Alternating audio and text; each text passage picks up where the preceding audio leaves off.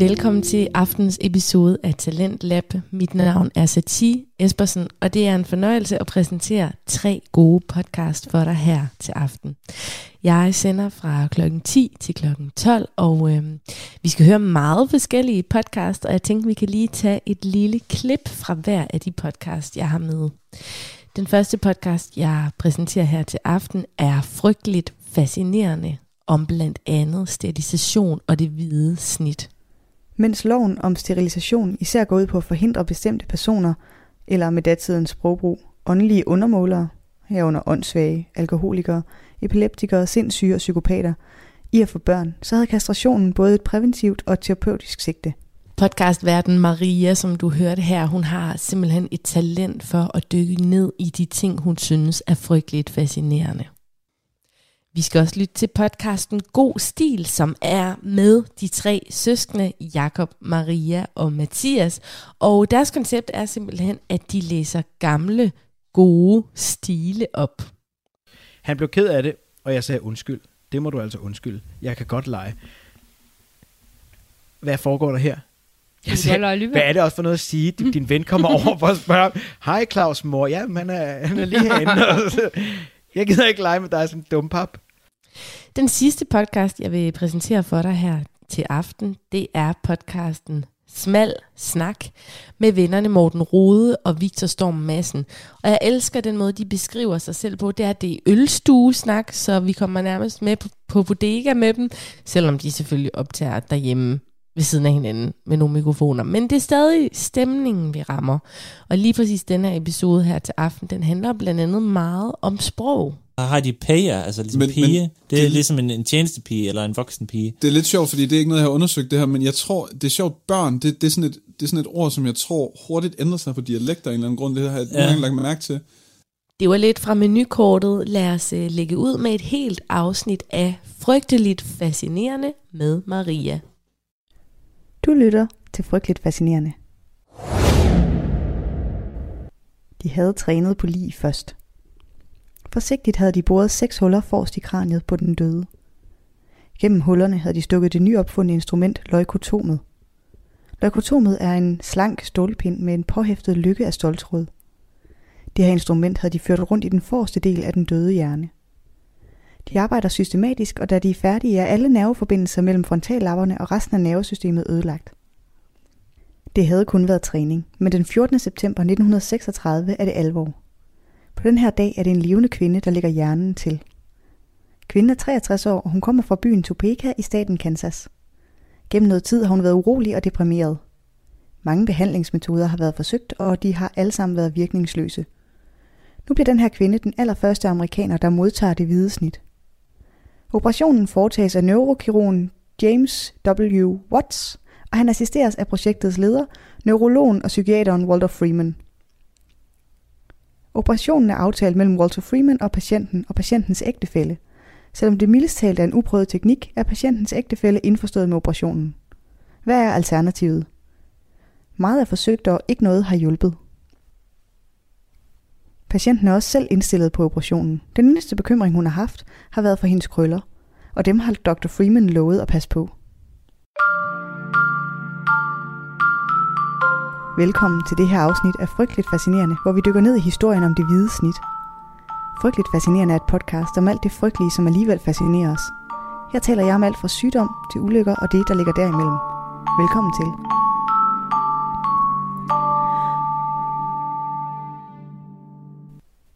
Forløbet efter operationen er ret ukompliceret. Der er en kort periode, hvor patienten mister evnen til at tale, men hun retter sig hurtigt, og 17 dage efter operationen, så udskrives hun. Som Freeman skriver i udskrivningsnotatet. Anticipating her return home without eagerness, but also without apprehension.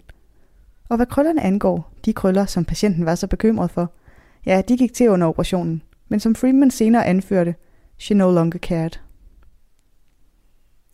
På den måde forløber det første hvide snit, der bliver foretaget i USA. Operationsresultatet begejstrer Walter Freeman, og efter operationen er han ikke til at stoppe. Og han har medvind. I løbet af kort tid vinder operationen udbredelse som den sidste mulighed i komplicerede tilfælde af sindssyge. Tilfælde, hvor alt andet har været forsøgt uden held. Den slags tilfælde var der mange af, og i løbet af de næste 20 år foretages der ca. 50.000 hvide snit i USA. I Europa foretages formentlig et tilsvarende antal. Den portugisiske neurolog Igas Moniz opfandt operationen i 1935. Han tester sin fremgangsmåde på to hjerner, før han begynder at udføre operationen på psykisk syge. Patienten bliver bedøvet, og et stykke af hjerneskallen bliver blotlagt. Og der bliver boret to små huller. Professoren eksperimenterede først med at sprøjte alkohol ned i hjernen. Senere skar han et snit på omkring 2 cm i diameter. Formålet var at snitte nervebanerne i den forreste del af hjernen over, da det dengang formodes, at tanker og idéer blev lagret i hjernens nerveforbindelser. Sindssygdommen blev opfattet som tankeprocesser, som var fixeret og opretholdes af nervebanerne i frontallapperne. Hvis man skar de her nervebaner over, så var tanken, at man kunne fjerne unormale tanker og adfærd. Den første patient, som Moniz afprøver sin metode på, er en kvinde i 60'erne. Moniz gennemfører sit indgreb, og da han efterfølgende taler med kvinden, kan hun besvare spørgsmål om, hvor hun bor, og hvor mange fingre, der bliver holdt op foran hendes øjne. Men det er så også det. Hun ved ikke, hvor gammel hun er, hun ved ikke, hvilken dag på året det er, og det eneste andet spørgsmål, som hun besvarer, det er, at hun bedre kan lide mælk end bouillon. Moniz lader sig ikke slå ud. Han sender kvinden tilbage til sindssygehospitalet, og en uge efter sender han en assistent over for at se, hvordan hun har det. Den unge reservelæge kommer tilbage med meddelelsen om, at hun lader til at have det fint. Fint, tænker Moniz. Før var hun sindssyg. Det tæller som en helbredelse, og han fortsætter med forsøget. 20 hvide snit bliver udført, og på baggrund af reservelægens ene besøg hos patienten en uge efter indgrebet, konkluderer Moniz, at syv patienter er blevet helbredt, syv har fået det bedre, og seks har hverken fået det værre eller bedre. Han skriver resultaterne ned, og de bliver publiceret i et videnskabeligt tidsskrift, og de bliver spredt over hele verden. Og det er her, de amerikanske læger fra før hører om det. Walter Freeman, der står bag det første hvidesnit i USA, er ikke nogen her hvem som helst. Han er læge, og han er formand for den amerikanske psykiaterkongres, og da han læser Moniz artikel om de 20 hvide snit, så tænker han, det her, det skal vi have til USA.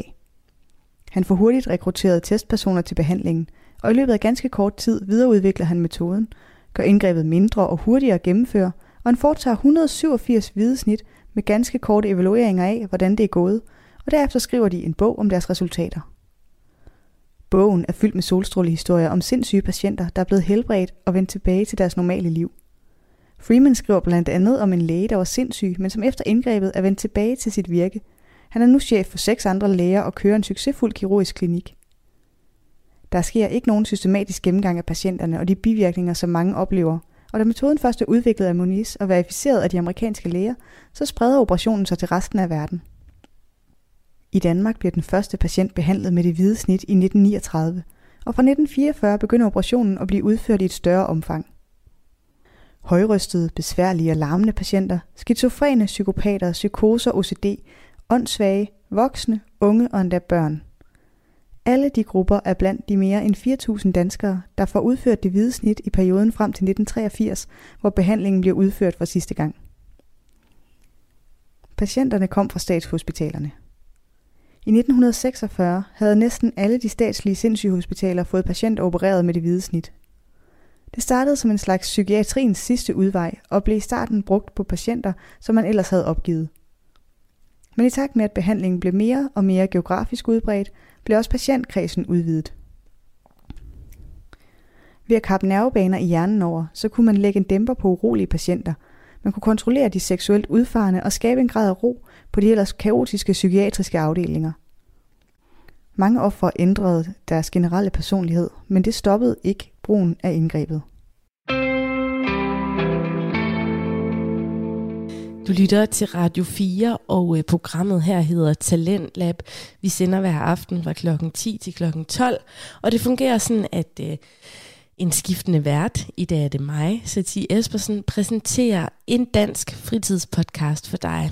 Og vi er dybt inde i en lige nu. Vi er nemlig sammen med Maria, som står bag podcasten Frygteligt Fascinerende, og øh, hun har gang i en episode om det hvide snit. Og sådan tage et kirurgisk instrument og rode sådan lidt halvtilfældigt rundt i hjernen, virker med den viden, vi har i dag, sådan ret bizart. Men i 30'erne og 40'erne så man en mulighed for en kirurgisk behandling af psykiske lidelser, som man ikke dengang rigtig havde nogen behandling til, som et meget stort medicinsk fremskridt. I 1930'erne banes vejen for de meget indgribende og i nogle tilfælde personlighedsændrende behandlingstyper. Chokbehandling med insulin og kardiazol var for nylig blevet taget i brug i Danmark som behandling mod blandt andet skizofreni. Behandlingerne foregår ved at sprøjte henholdsvis insulin eller cardiazol ind i patienternes vener, hvorefter patienterne går i kramper og til sidst henligger i en ukontaktbar koma. For insulinbehandlinger så foregår opvågningen med et rør til mavesækken, hvor der indføres sukkervand. Omtrent det samme var tilfældet med cardiazolbehandlingen, hvor patienterne efter kramperne også mister bevidstheden. Flere læger beretter om bedring hos patienterne efter behandlingerne, og de bliver alment udbredt på psykiatriske hospitaler i Danmark. Blandt patienterne var oplevelsen med behandlingerne meget sammensat. En af de patienter, der bliver behandlet med kardiasolchok, er en 39-årig mand, indlagt med en maniodepressiv psykose. I et brev til sin familie fortæller han om behandlingen. I den sidste tid har jeg fået ca. 5-7 indsprøjtninger med noget, der hedder kardiasol. Det bliver indsprøjtet i en vene, en blodår, der fører til hjertet, inde i højre albuled. Det er noget nyt, siger dr. Hanemann. Det har en meget stærk virkning, helt forskellig fra alt andet, hvad jeg hidtil har været indsprøjtet med. Cirka 10 sekunder efter man har fået injektionen, bliver man med et ligesom rykket ud af sig selv og ind i en anden verden. Men dog ser man de omkringstående ligesom i en vandklar tåge. Det er aldeles ulideligt og fuldkommen umuligt at komme ud af. Samtidig er virkningen stærkere, samtidig svagere. Når den er stærk, bliver man hallucineret og ser syner. Stuen, man ligger i, kommer til at ligne et helvede, og man ligesom brændes af en usynlig ild. Det er meget uhyggeligt, men nu er det heldigvis forbi. Det var ikke kun den 39-årige patient, der havde noget blandet erfaringer med behandlingen. Kardiasolens voldsomme virkning var frygtet af patienterne, som lægerne ofte måtte presse til at lade sig behandle. Det hente, at vi tit fire mand høj, bogstaveligt talt med magt, måtte nedkæmpe patientens modstand for de efterfølgende minutter og bivågne hendes pinefulde angst før krampeanfaldet udløstes, fortalte en senere overlæge på Rigshospitalet, Vilars Lund, der huskede patienternes kramper som et skræmmende syn. Selvom kardiasolchokbehandlingen var meget udbredt, skete der ikke nogen systematisk indsamling og redegørelse for data om bivirkningerne. Vagn Asgaard, hospitalsleder i Vordingborg, skriver i artiklen Moderne behandlinger af visse sindssygdomme. Kardiasolchok som en farefri metode. Det er ikke helt rigtigt. Allerede i oktober 1939 døde den første patient i Vordingborg. En 25-årig kvinde efter at have fået sin 15. behandling. Og dødsfald indtraf også på de andre sindssygehospitaler. I direktoratet for statens sindssygehospitaler indløber der flere beretninger om skader efter kardiasolchokbehandlingen – Danske undersøgelser viste, at omkring 10% af patienterne fik frakturer efter behandlingen. I nogle tilfælde førte skaderne til klager fra pårørende. En far, der klager til direktoratet, var således vred over, at hans datter havde fået 13 af hendes tænder brækket løse, så de måtte trækkes ud. Og han bemærkede også flere andre patienter, der var blevet komplet invalide af behandlingen, så de ikke kan gå. Ligesom en del andre klagesager blev den sendt videre til Sundhedsstyrelsen, som dog ikke fandt nogen anledning til at foretage sig noget. Med indtoget af de her eksperimentelle og indgribende behandlinger, så er grundstenene lagt for en generel accept af den her type vidtgående indgreb som en mulighed for visse patientgrupper. I forhold til de lande, som vi typisk sammenligner os med, så udførte vi langt flere videsnit. Det skyldes flere faktorer, men helt centralt er det, at der var lagt en politisk linje, som banede vejen for det hvidesnit i Danmark. I 1920'erne bobler nye idéer frem i både psykiatrien og politikken – Flere af dem, som dengang blev kaldet åndssvage læger, var fortaler for både kastration af åndssvage, sædelighedsforbrydere og andre personer med forskellige tilbøjeligheder. Og læger som Knud Sand, der allerede i 1921 havde eksperimenteret med testikeltransplantationer på homoseksuelle mænd, var blandt forkæmperne for kirurgiske indgreb over for denne målgruppe.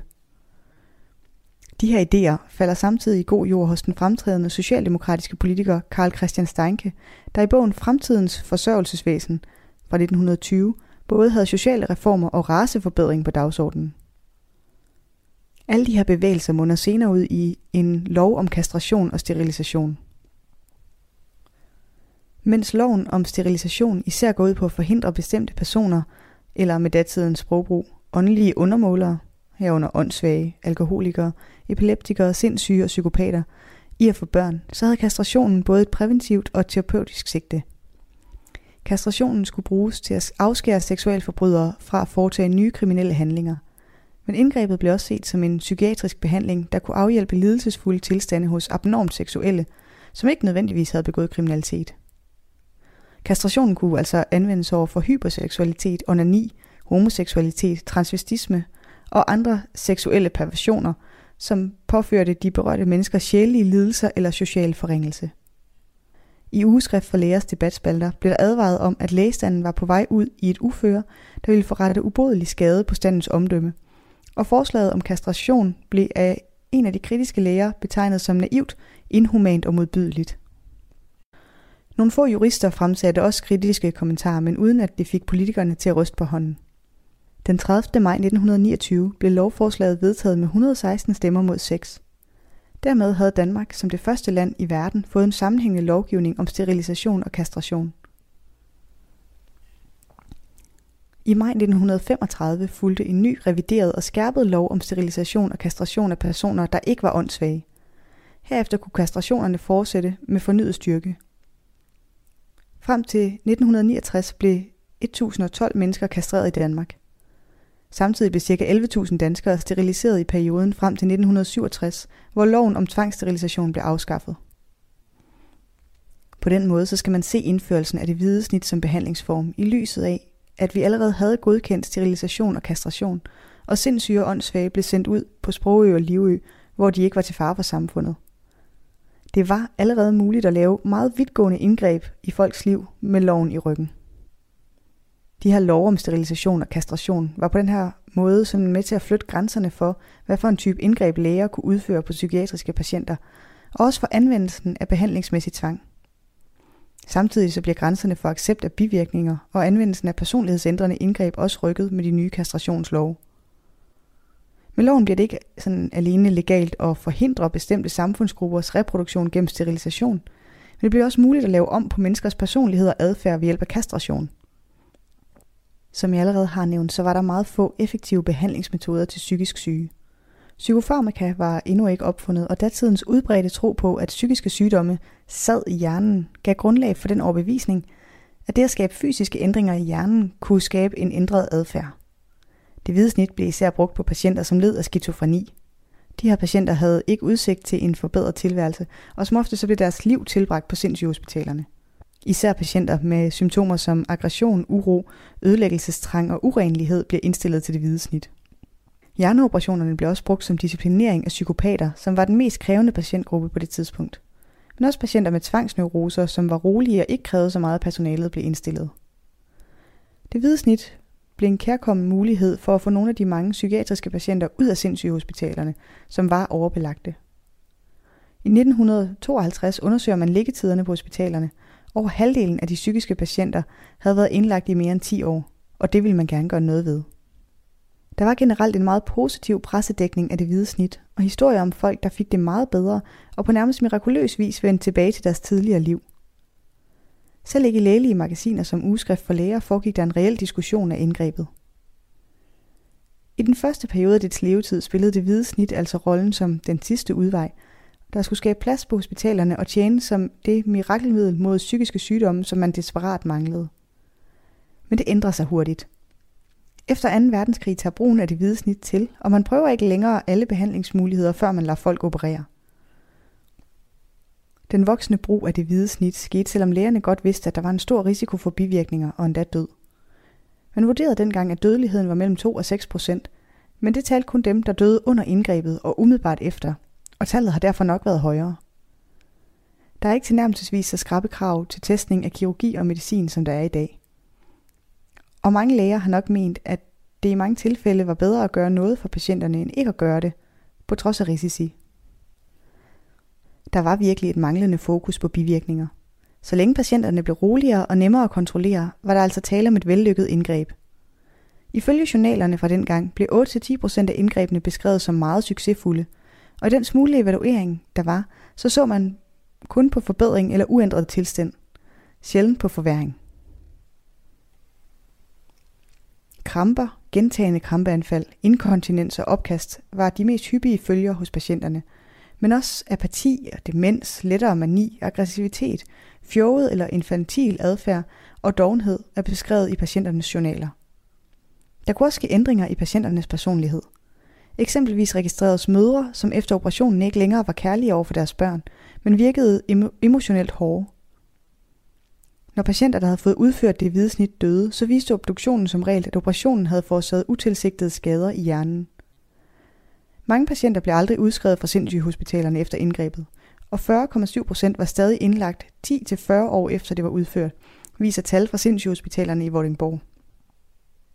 Da man indførte det hvide snit som behandlingsmetode i Danmark, var det oprindeligt tiltænkt som en sidste udvej til patienter med langvarig og uvirksom behandling.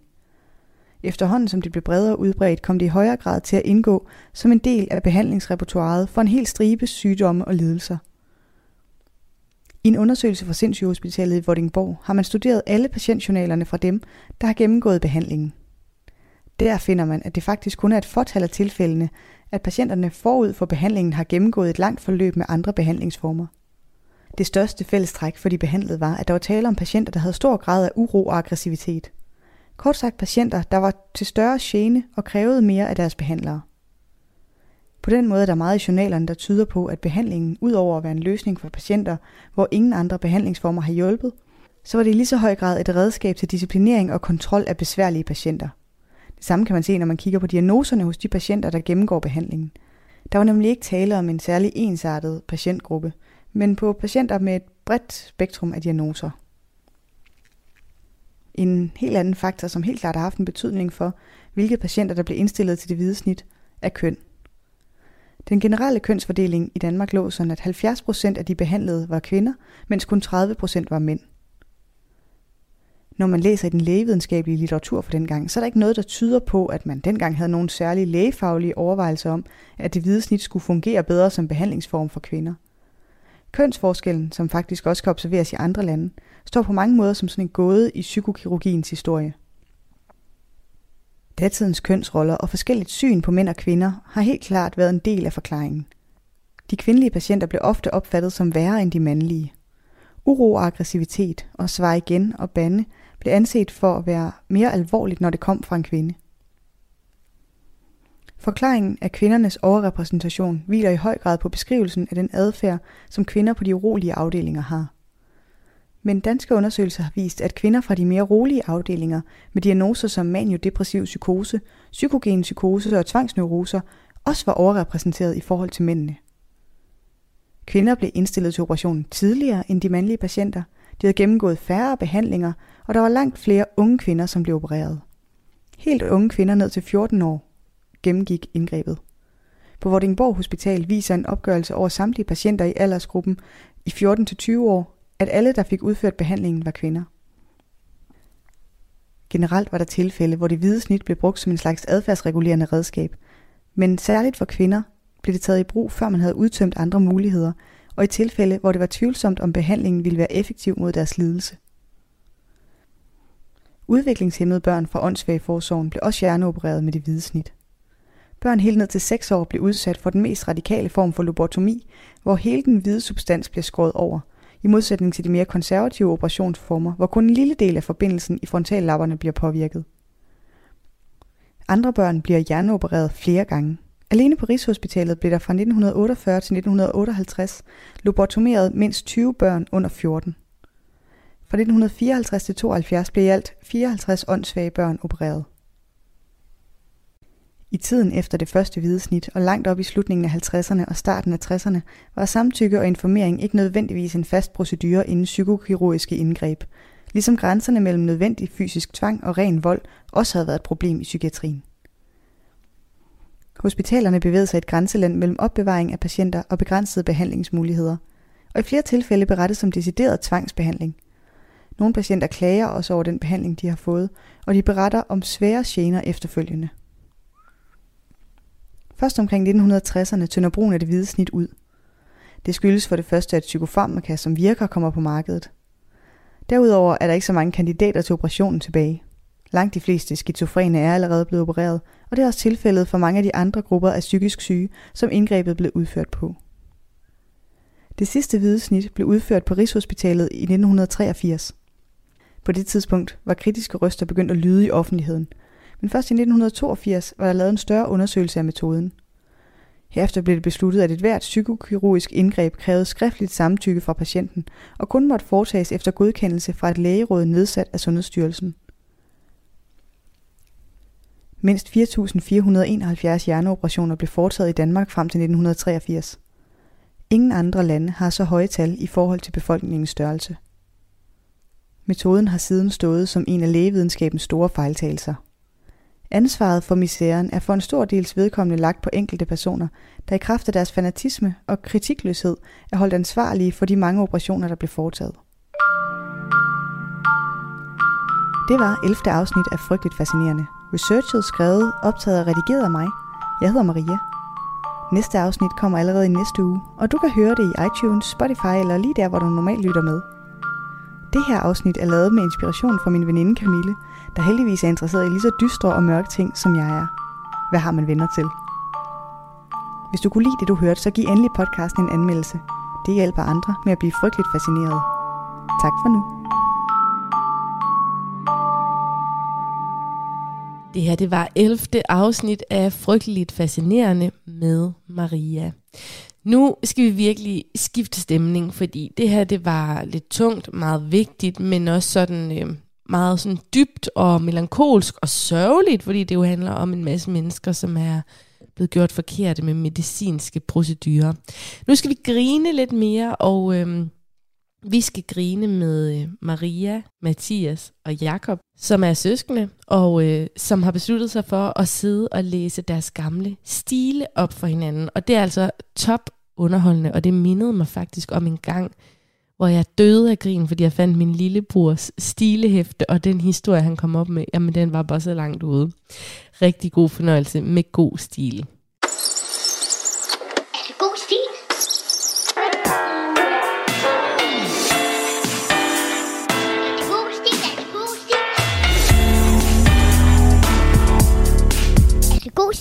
Hej Jakob og Mathias.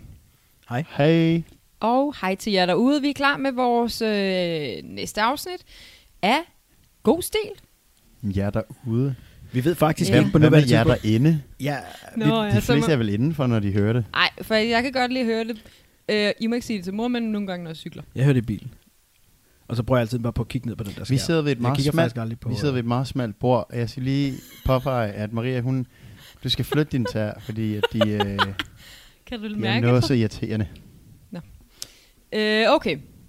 Men øh, øh, Jakob, jeg kan se, at du sidder og vifter med Jeg er klar. Jeg har noget i et hænderne. lille, et lille bitte stilehæfte. Det, Jeg det, tror ikke, du har været så gammel, da du skrev det, for du har kun fået lov til at få et lille bitte hæfte. Jeg, jeg vil tror, gerne have lov. Jeg vil, må jeg ikke lige beskrive det for folk. Nej, jeg Det vil er- godt lige sige noget ja, først. okay, sige noget. Det ligner et danefag, du sidder med. Det ligner, det er lige ved at falde sammen i hænderne på dig. Jeg har haft det til vurdering, og øh, de beskrev det som meget, meget værdifuldt. Det ligner sådan, ligesom når man forestiller sig, hvordan et skattekort ser ud. Det er sådan lidt brændt i hjørnerne faktisk, og så er sådan guldnet, og så er det meget sådan revet op, og så er det i sådan en lidt lyserød farve, og så er der sådan et, en lille felt foran, hvor man kan skrive sit navn, og der har jeg så skrevet Jakob. Jakob. To gange Jakob. Først, først med skråbogstav, og så med... Øh, hvis man stjæler klæde, kan det godt være, at man ikke kan læse.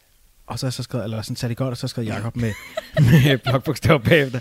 Og så allerøverst, der står der historier. Mm. Og det er min lærer, der har skrevet det, tror jeg. Må jeg se. Ja, det må Din lærerhed historie. Men ja, hvad er det, der er med den bagside? Ja, der jeg er. også lidt mærkeligt. For, for jer, der ikke... Ej, det her, det er, det er for, for jer, der...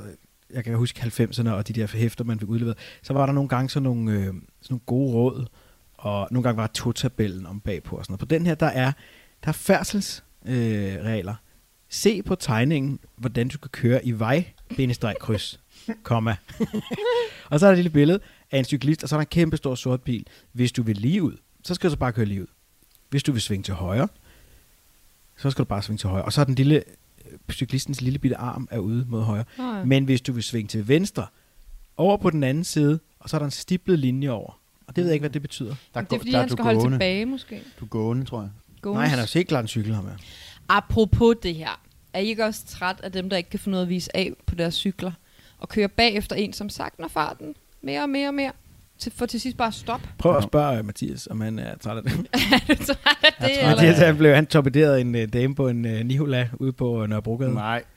Hun havde en, hun havde en gammel Christiania-cykel, og vi kom kørende ned ad Nørrebrogade, og der, hvor det bliver smallest, der, øh, ja, det er det, jeg er træt af, Maria. Det er folk, som simpelthen øh, kommer i torpedofart ned ad øh, de her gader, og pludselig stopper hurtigt. Jo, jo, men så skal det det mindste vise af. Det kan hun da ikke nå. Hun stoppede super hurtigt. Arm op betyder, at jeg stopper. Arm til højre betyder, til jeg svinger til højre. Og arm til venstre betyder, jeg svinger til venstre.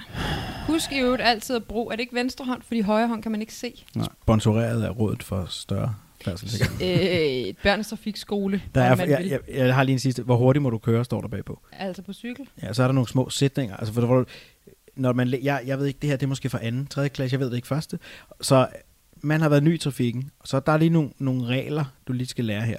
For eksempel, du må ikke køre så hurtigt, at andre bliver usikre eller bange. Wow, jeg tror altså, det her hæfte, jeg tror, du har fået det her hæfte, før jeg blev født. Jamen, Tror det du? tror jeg også helt klart. Ja, Mathias er fra går i 95.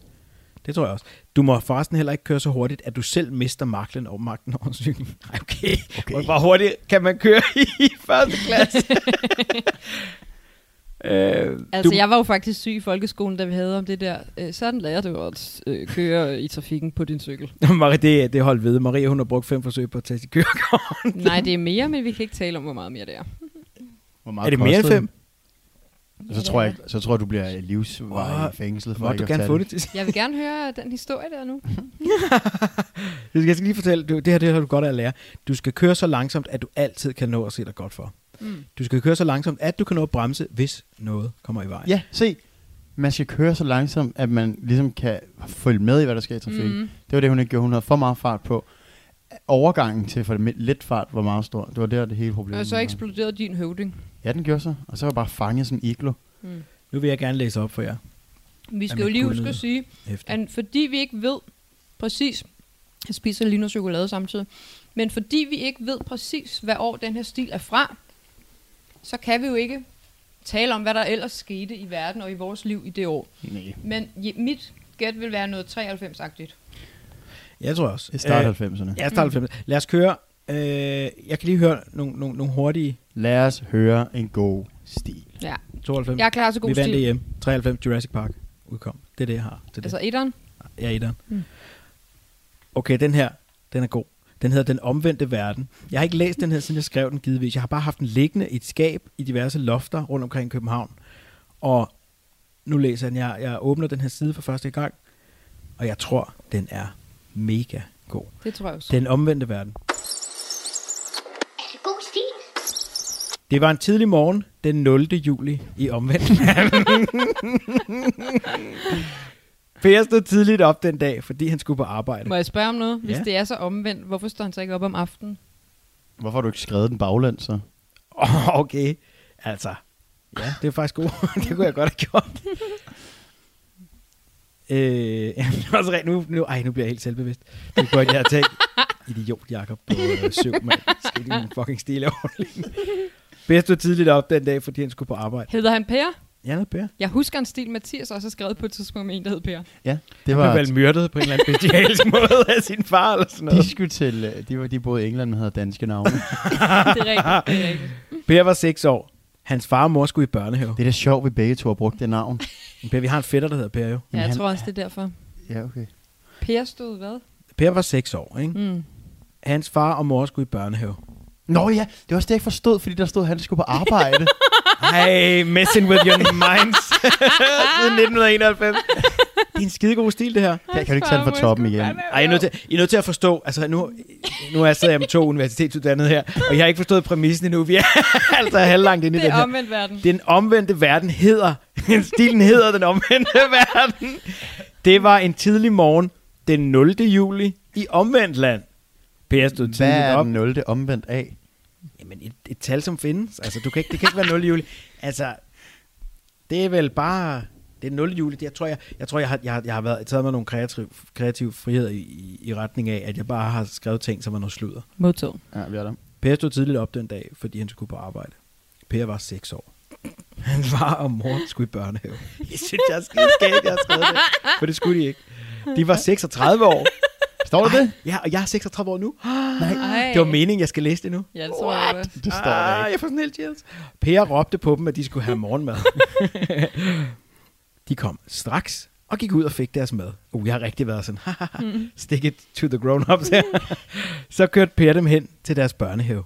Bagefter kørte Per til sit arbejde. Da det blev eftermiddag, kom Der, Per. okay, der, der er lige en ting her. Det med. eneste, der er omvendt i den her verden, det er børn og voksne, voksne og børn. Altså, det med hvad, det sker jo... øh, Altså, Må jeg henføre til øh, datoen, som er den 0. Ja, det er juli. og vi er i omvendt land. Jo, jo, også. men Ma- Mathias har ret i, det, vi får ikke at vide, at de får serveret flæskesteg til morgenmad, for nej, eksempel. præcis. Det er jo bare normal cornflakes, eller altså, øh, ostepølsemad. Ja. men man skal heller ikke... I er nødt til... Der skal også læses imellem linjerne. Der er ikke noget ved det, hvis jeg bare fortæller det hele. I, jeg, jeg giver jer lige nok til, at I kan tænke alt muligt omvendt. Okay. Måske. Hvad for et arbejde laver man som seksårig? Jamen, det kommer an på, om man skal tænke ham, som han måske i virkeligheden er 36. Måske sidder han på kontor, Per, eller sådan noget. Altså, springer blomster ud i efteråret i den her? Det ved jeg jo ikke. Vi er Hvad? kun en halv inde i den. Eller falder der sne om sommeren? Nå. Og I tager den langt ud. nu, nu, Men også omvendt, stiger regnen så op i himlen fra jorden? øh, jeg har ikke nogen fodnoter, så det ved jeg ved ikke, hvad jeg lige har tænkt. Ja. Okay, videre, videre, Ja, videre. videre, videre. Men God vi, stil indtil vi videre. ved da ikke, om det regner. Nej, det står der ikke noget. Okay, god Da det stil. blev eftermiddag, kom Per og hentede mor og far fra børnehaven. Og nu tror jeg, der kommer noget nyt omvendt. Nu skifter jeg lige side. De kørte hjem og drak deres mad og spiste deres saftevand. Yes, der var Ah, den. der, De gik i seng og sov til det blev morgen. Der skulle jeg have skrækt aften. Ja, eller et sov på bordet, eller et eller andet.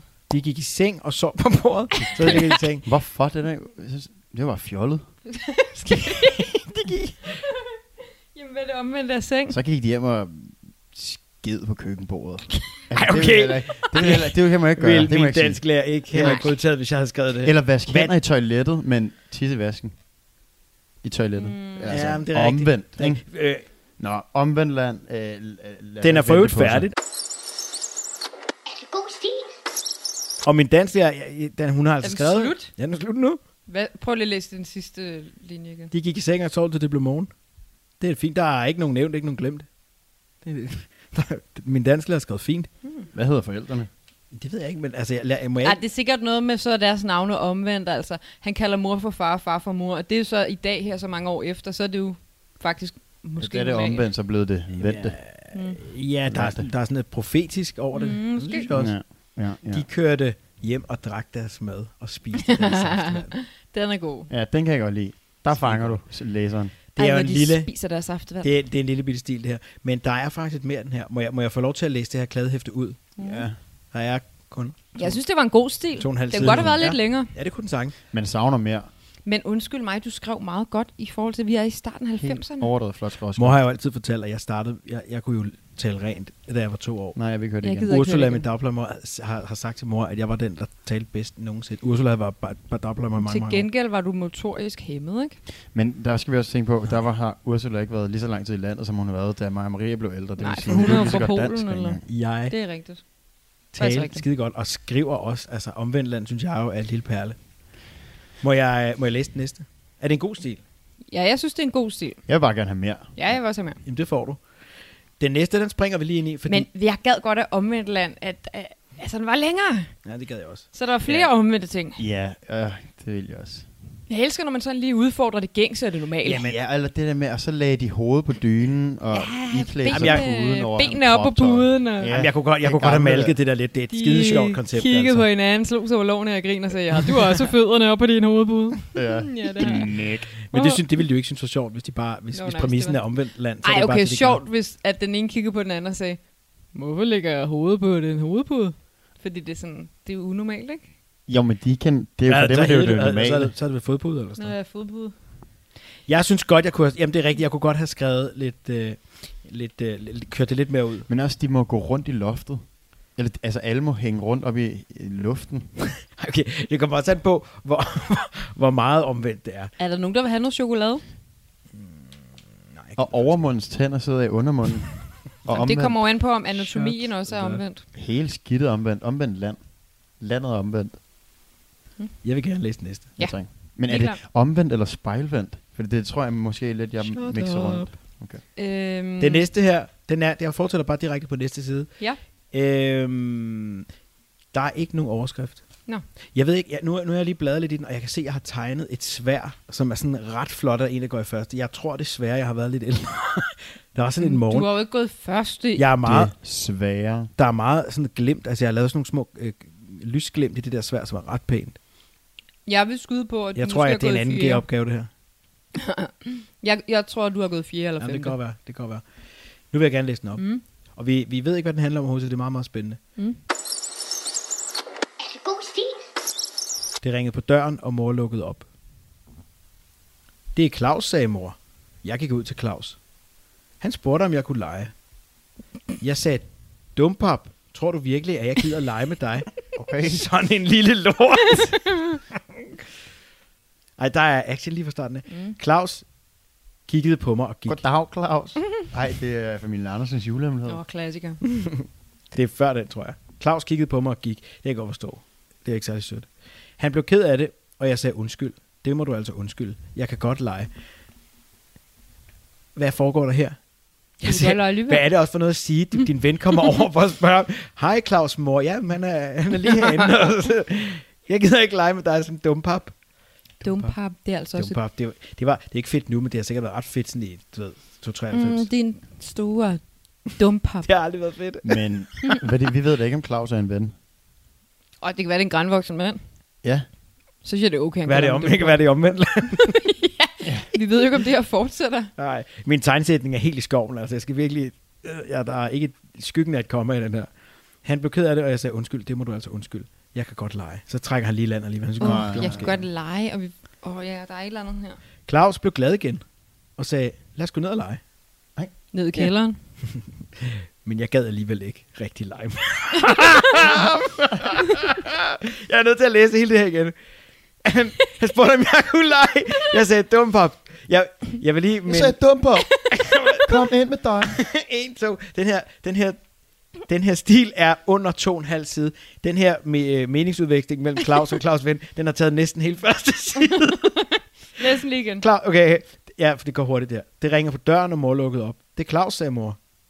Jeg gik ud til Claus. Han spurgte, om jeg kunne lege. Jeg sagde, dumpop, tror du virkelig, at jeg gider at lege med dig? Sådan en lille lort.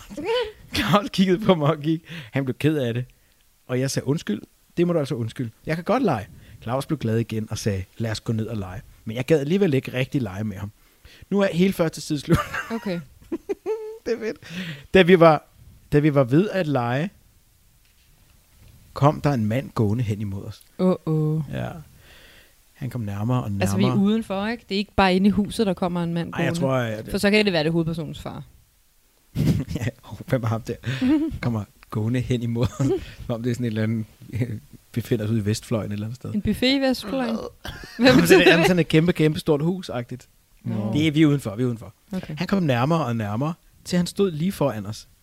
Han stod med noget i hånden. Det var en, det var en dagert. Jeg tror, jeg ville have skrevet, jeg, tror, jeg, jeg tror, jeg ville have skrevet daggert, ikke? Hvad er det egentlig, en dakker, der er din hammer? Ej, ej, ej Maria. Det er sådan en lang kniv. No.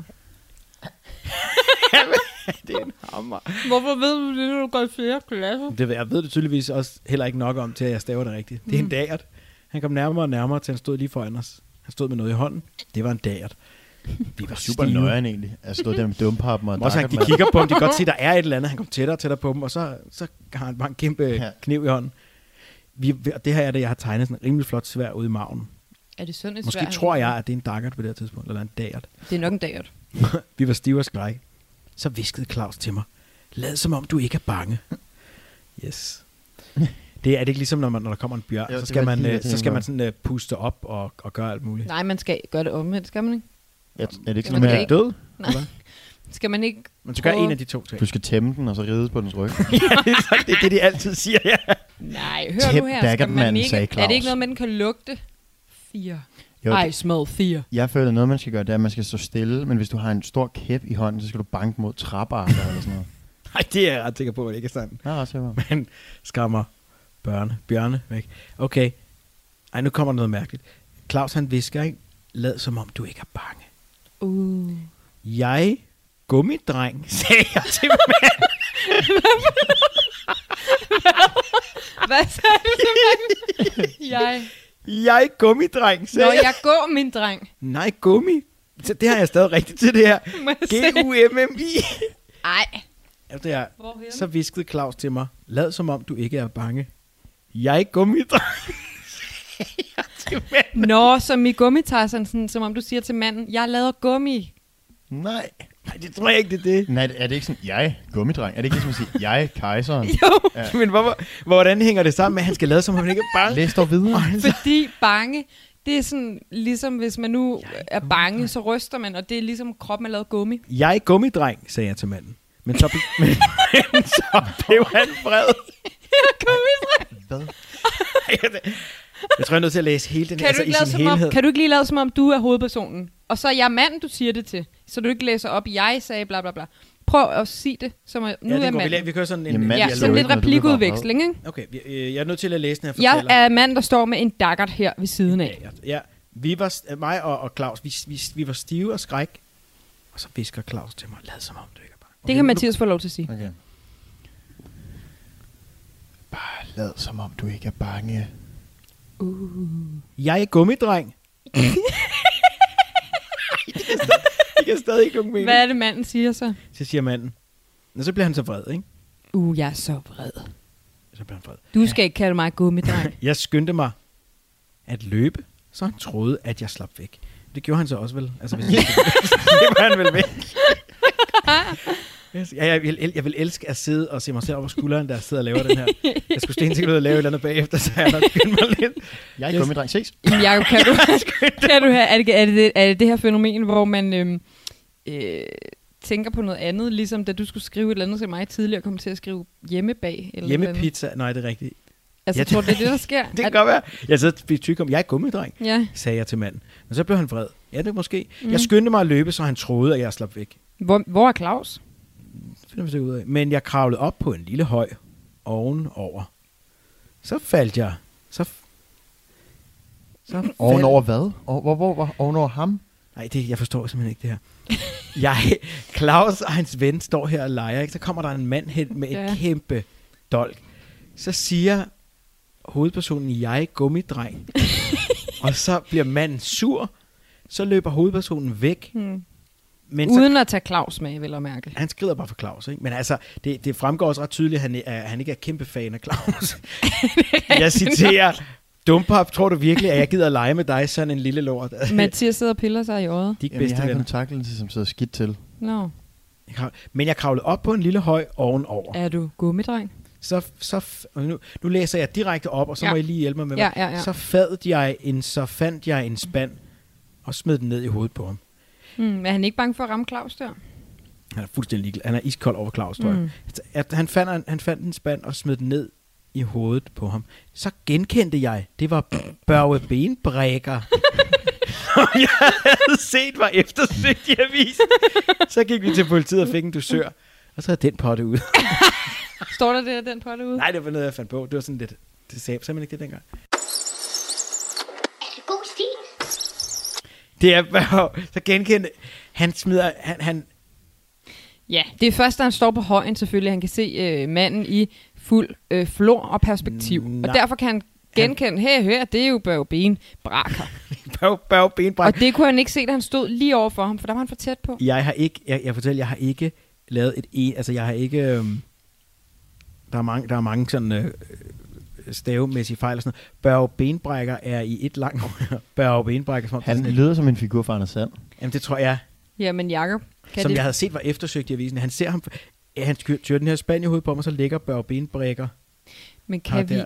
på en eller anden måde blive enige om, at det er fordi, han smider spanden ned i hovedet på ham, så Ja. ja. får Børge den i hovedet, og, og det er fordi, så kan han genkende ham. Så ligger han på jorden og kigger op, og han står, hovedpersonen står op på en høj, kigger ned.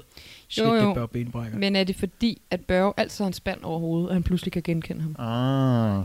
Det er sådan set bare der, det ja, er vi det frem tror jeg. til. Det er ligesom sådan wrestler, de har masker på, Ja. så har, har, har ham altså Det er en, Må jeg, må jeg lige sige en ting? Han, han, han går hen til to børn med en daggert. Mm. Og jeg, jeg, jeg, vil, jeg vil tro, at han hed et eller andet andet, ikke? Altså en Børge Benbrækker. Jo, men tror Børge du ikke... Benbrækker er sådan lidt meget ufrivilligt sjovt, måske, til sådan en øh, et børnemorder. Jeg ved ikke. Ja, altså jeg er faktisk mere øh, optaget af drengenes interne relation. Ja, det synes jeg også er virkelig spændende, at noget, næsten 50% af stilen er en, en, en, en, øh, en dialog, hvor ham den ene bare bliver svinet til. Kan det være, Ja. du har været sur så- på en på det tidspunkt? Ja, det kan godt være. Det kunne sagtens være. Men jeg, jeg forstår ikke, Claus bliver så heller ikke nævnt. Claus er bare sådan en, øh, han er bare sådan en, der lige skal, du ved, en eller anden, han er sådan en alibi for at gå ud og lege. Ja. Og så Hvorfor møde hedder Børge han. Claus? Du har da aldrig haft nogen venner, der hed Claus, Jacob. Altså fordi jeg tror, det er Claus. årgangen... Altså, der er ikke nogen på din årgang, der hedder Claus. Nej, nej. Jeg ved det ikke. Jeg, jeg, jeg er bare film på det. Hvorfor hedder ham der Børge Benbrækker, vil jeg gerne. Børge Benbrækker. Med dagen. Hvad er hed, god stil. Men hvad hed den her Jeg stil? ved ikke noget. Jeg synes, den skal hedde Gummidreng. Jeg er gummidreng. jeg kommer Sagde jeg til manden. Ej, men hvis du har Så blev problemer... han vred. Men Må jeg lige fordi- spørge om noget? Fordi ja. hvis Ja. du har problemer med, at du nogle gange skriver flere ord i et ord, Ja. kan det så være, at det betyder noget andet? Jeg går, min dreng. Nej, for det er jo ikke Å, det er U. Som om du skal til at sige til ham, jeg går nu, min dreng. Nej, du fabler helt vildt. Okay. Jeg synes, den... Jeg synes... Okay, vil I høre en anden slutning, Mm. Ja. som den kunne have lyttet? I de møder, altså det her øh, Meeting of the Titans foregår, Mm. så siger han, jeg, gummimand, eller gummidreng, og mm. så siger han, jeg, Børge Benbrækker. og så er de, er de sådan et hold, Ja, så forenes de. det er rigtigt nok. Og så Claus er bare Claus, selvfølgelig. Claus er, han har ikke en hovedrolle i den her. Jeg, Claus. Det her, Det det jo, var, det er Claus, der får ham ud til Børge jo. Var det den sidste stil i det der hæfte? ja, det var det. No. God stil, god Der stil, er jo, god stil. ej, der er min så, jeg har en sommerferiefortælling. Den, Den har jeg gemmer vi. lovet at gemme til, til du også har din sommerferiefortælling. Så vil, I, så vil vi læse den op. Ja, så læser mig og Jacob vores sommerferiefortællinger op Ja. sammen. Men altså, der var jo to stile i en lige pludselig her. Der var Omvendtland og øh, Benbrækkeren Ja. og Gummidrengen. Du har lagt din kontaktlinse her på bordet. Mm, ja. Det synes jeg var god, gode stile, God stil. faktisk. Ja, Slå Mm. to fluer med et smæk. Det kan man da kalde det. det er et stærkt hæfte, og så er der øh, øh, trafikanvisninger på bagsiden. Det er, Ja. ja. det er virkelig fedt. Okay, fantastisk. Også dejligt, vi fik øh, læst dem op, inden at hæftet øh, mørnede fuldstændig væk. det er, altså, det, nu er det blevet gemt for eftertid. Nu tror jeg nærmest, det falder fra hinanden. øh, Tak fordi I gad lytte. Altså, jeg kunne, Ja. jeg, jeg kunne enormt godt lige hurtigt tænke mig at sige, at hvis I derude har nogle gamle stil, hvor der indgår nogle af sådan nogle her fantastiske karakterer, send dem ind. Så laver vi et, øh, sådan et katalog med de bedste karakterer. Skygge play. Ja. Skygge. Så lige nu har vi og Børge spil. Benbrækker, og vi har jeg, Gummimand. Ja, Nej. det, Og jeg er Claus. Nå, det er ligesom indianeren, der klapper sig på jeg, indianer. God stil. Eller I ved godt, hvad jeg mener. Nej. Nå. Men øh, ja, mega god stil. Øh, og Jacob og Mathias, I må have en, en god... s- Hold stilen god, til vi ses igen, ikke? God stil derude. Høj stilføring. Ja. Hej hej. Ses. Indtil vi høres ved igen, så følg med på vores Instagram, god stil underscore podcast. Hatte stilet.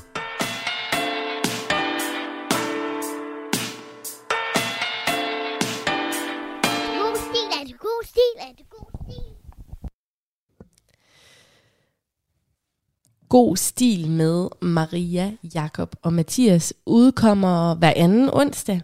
Og der er faktisk også mulighed for at sende sin egne gode stile ind til deres mail, så de kan læse dem op og berige befolkningen, som de skriver inde på den Instagram-profil, jeg lige hoppede ind på. Det er i hvert fald en podcast, hvor du kan få trukket på smilebåndene, og hvor du føler dig opløftet, når det er, at du har lyttet til den. Så hop endelig ind og abonner, hvis det er noget for dig.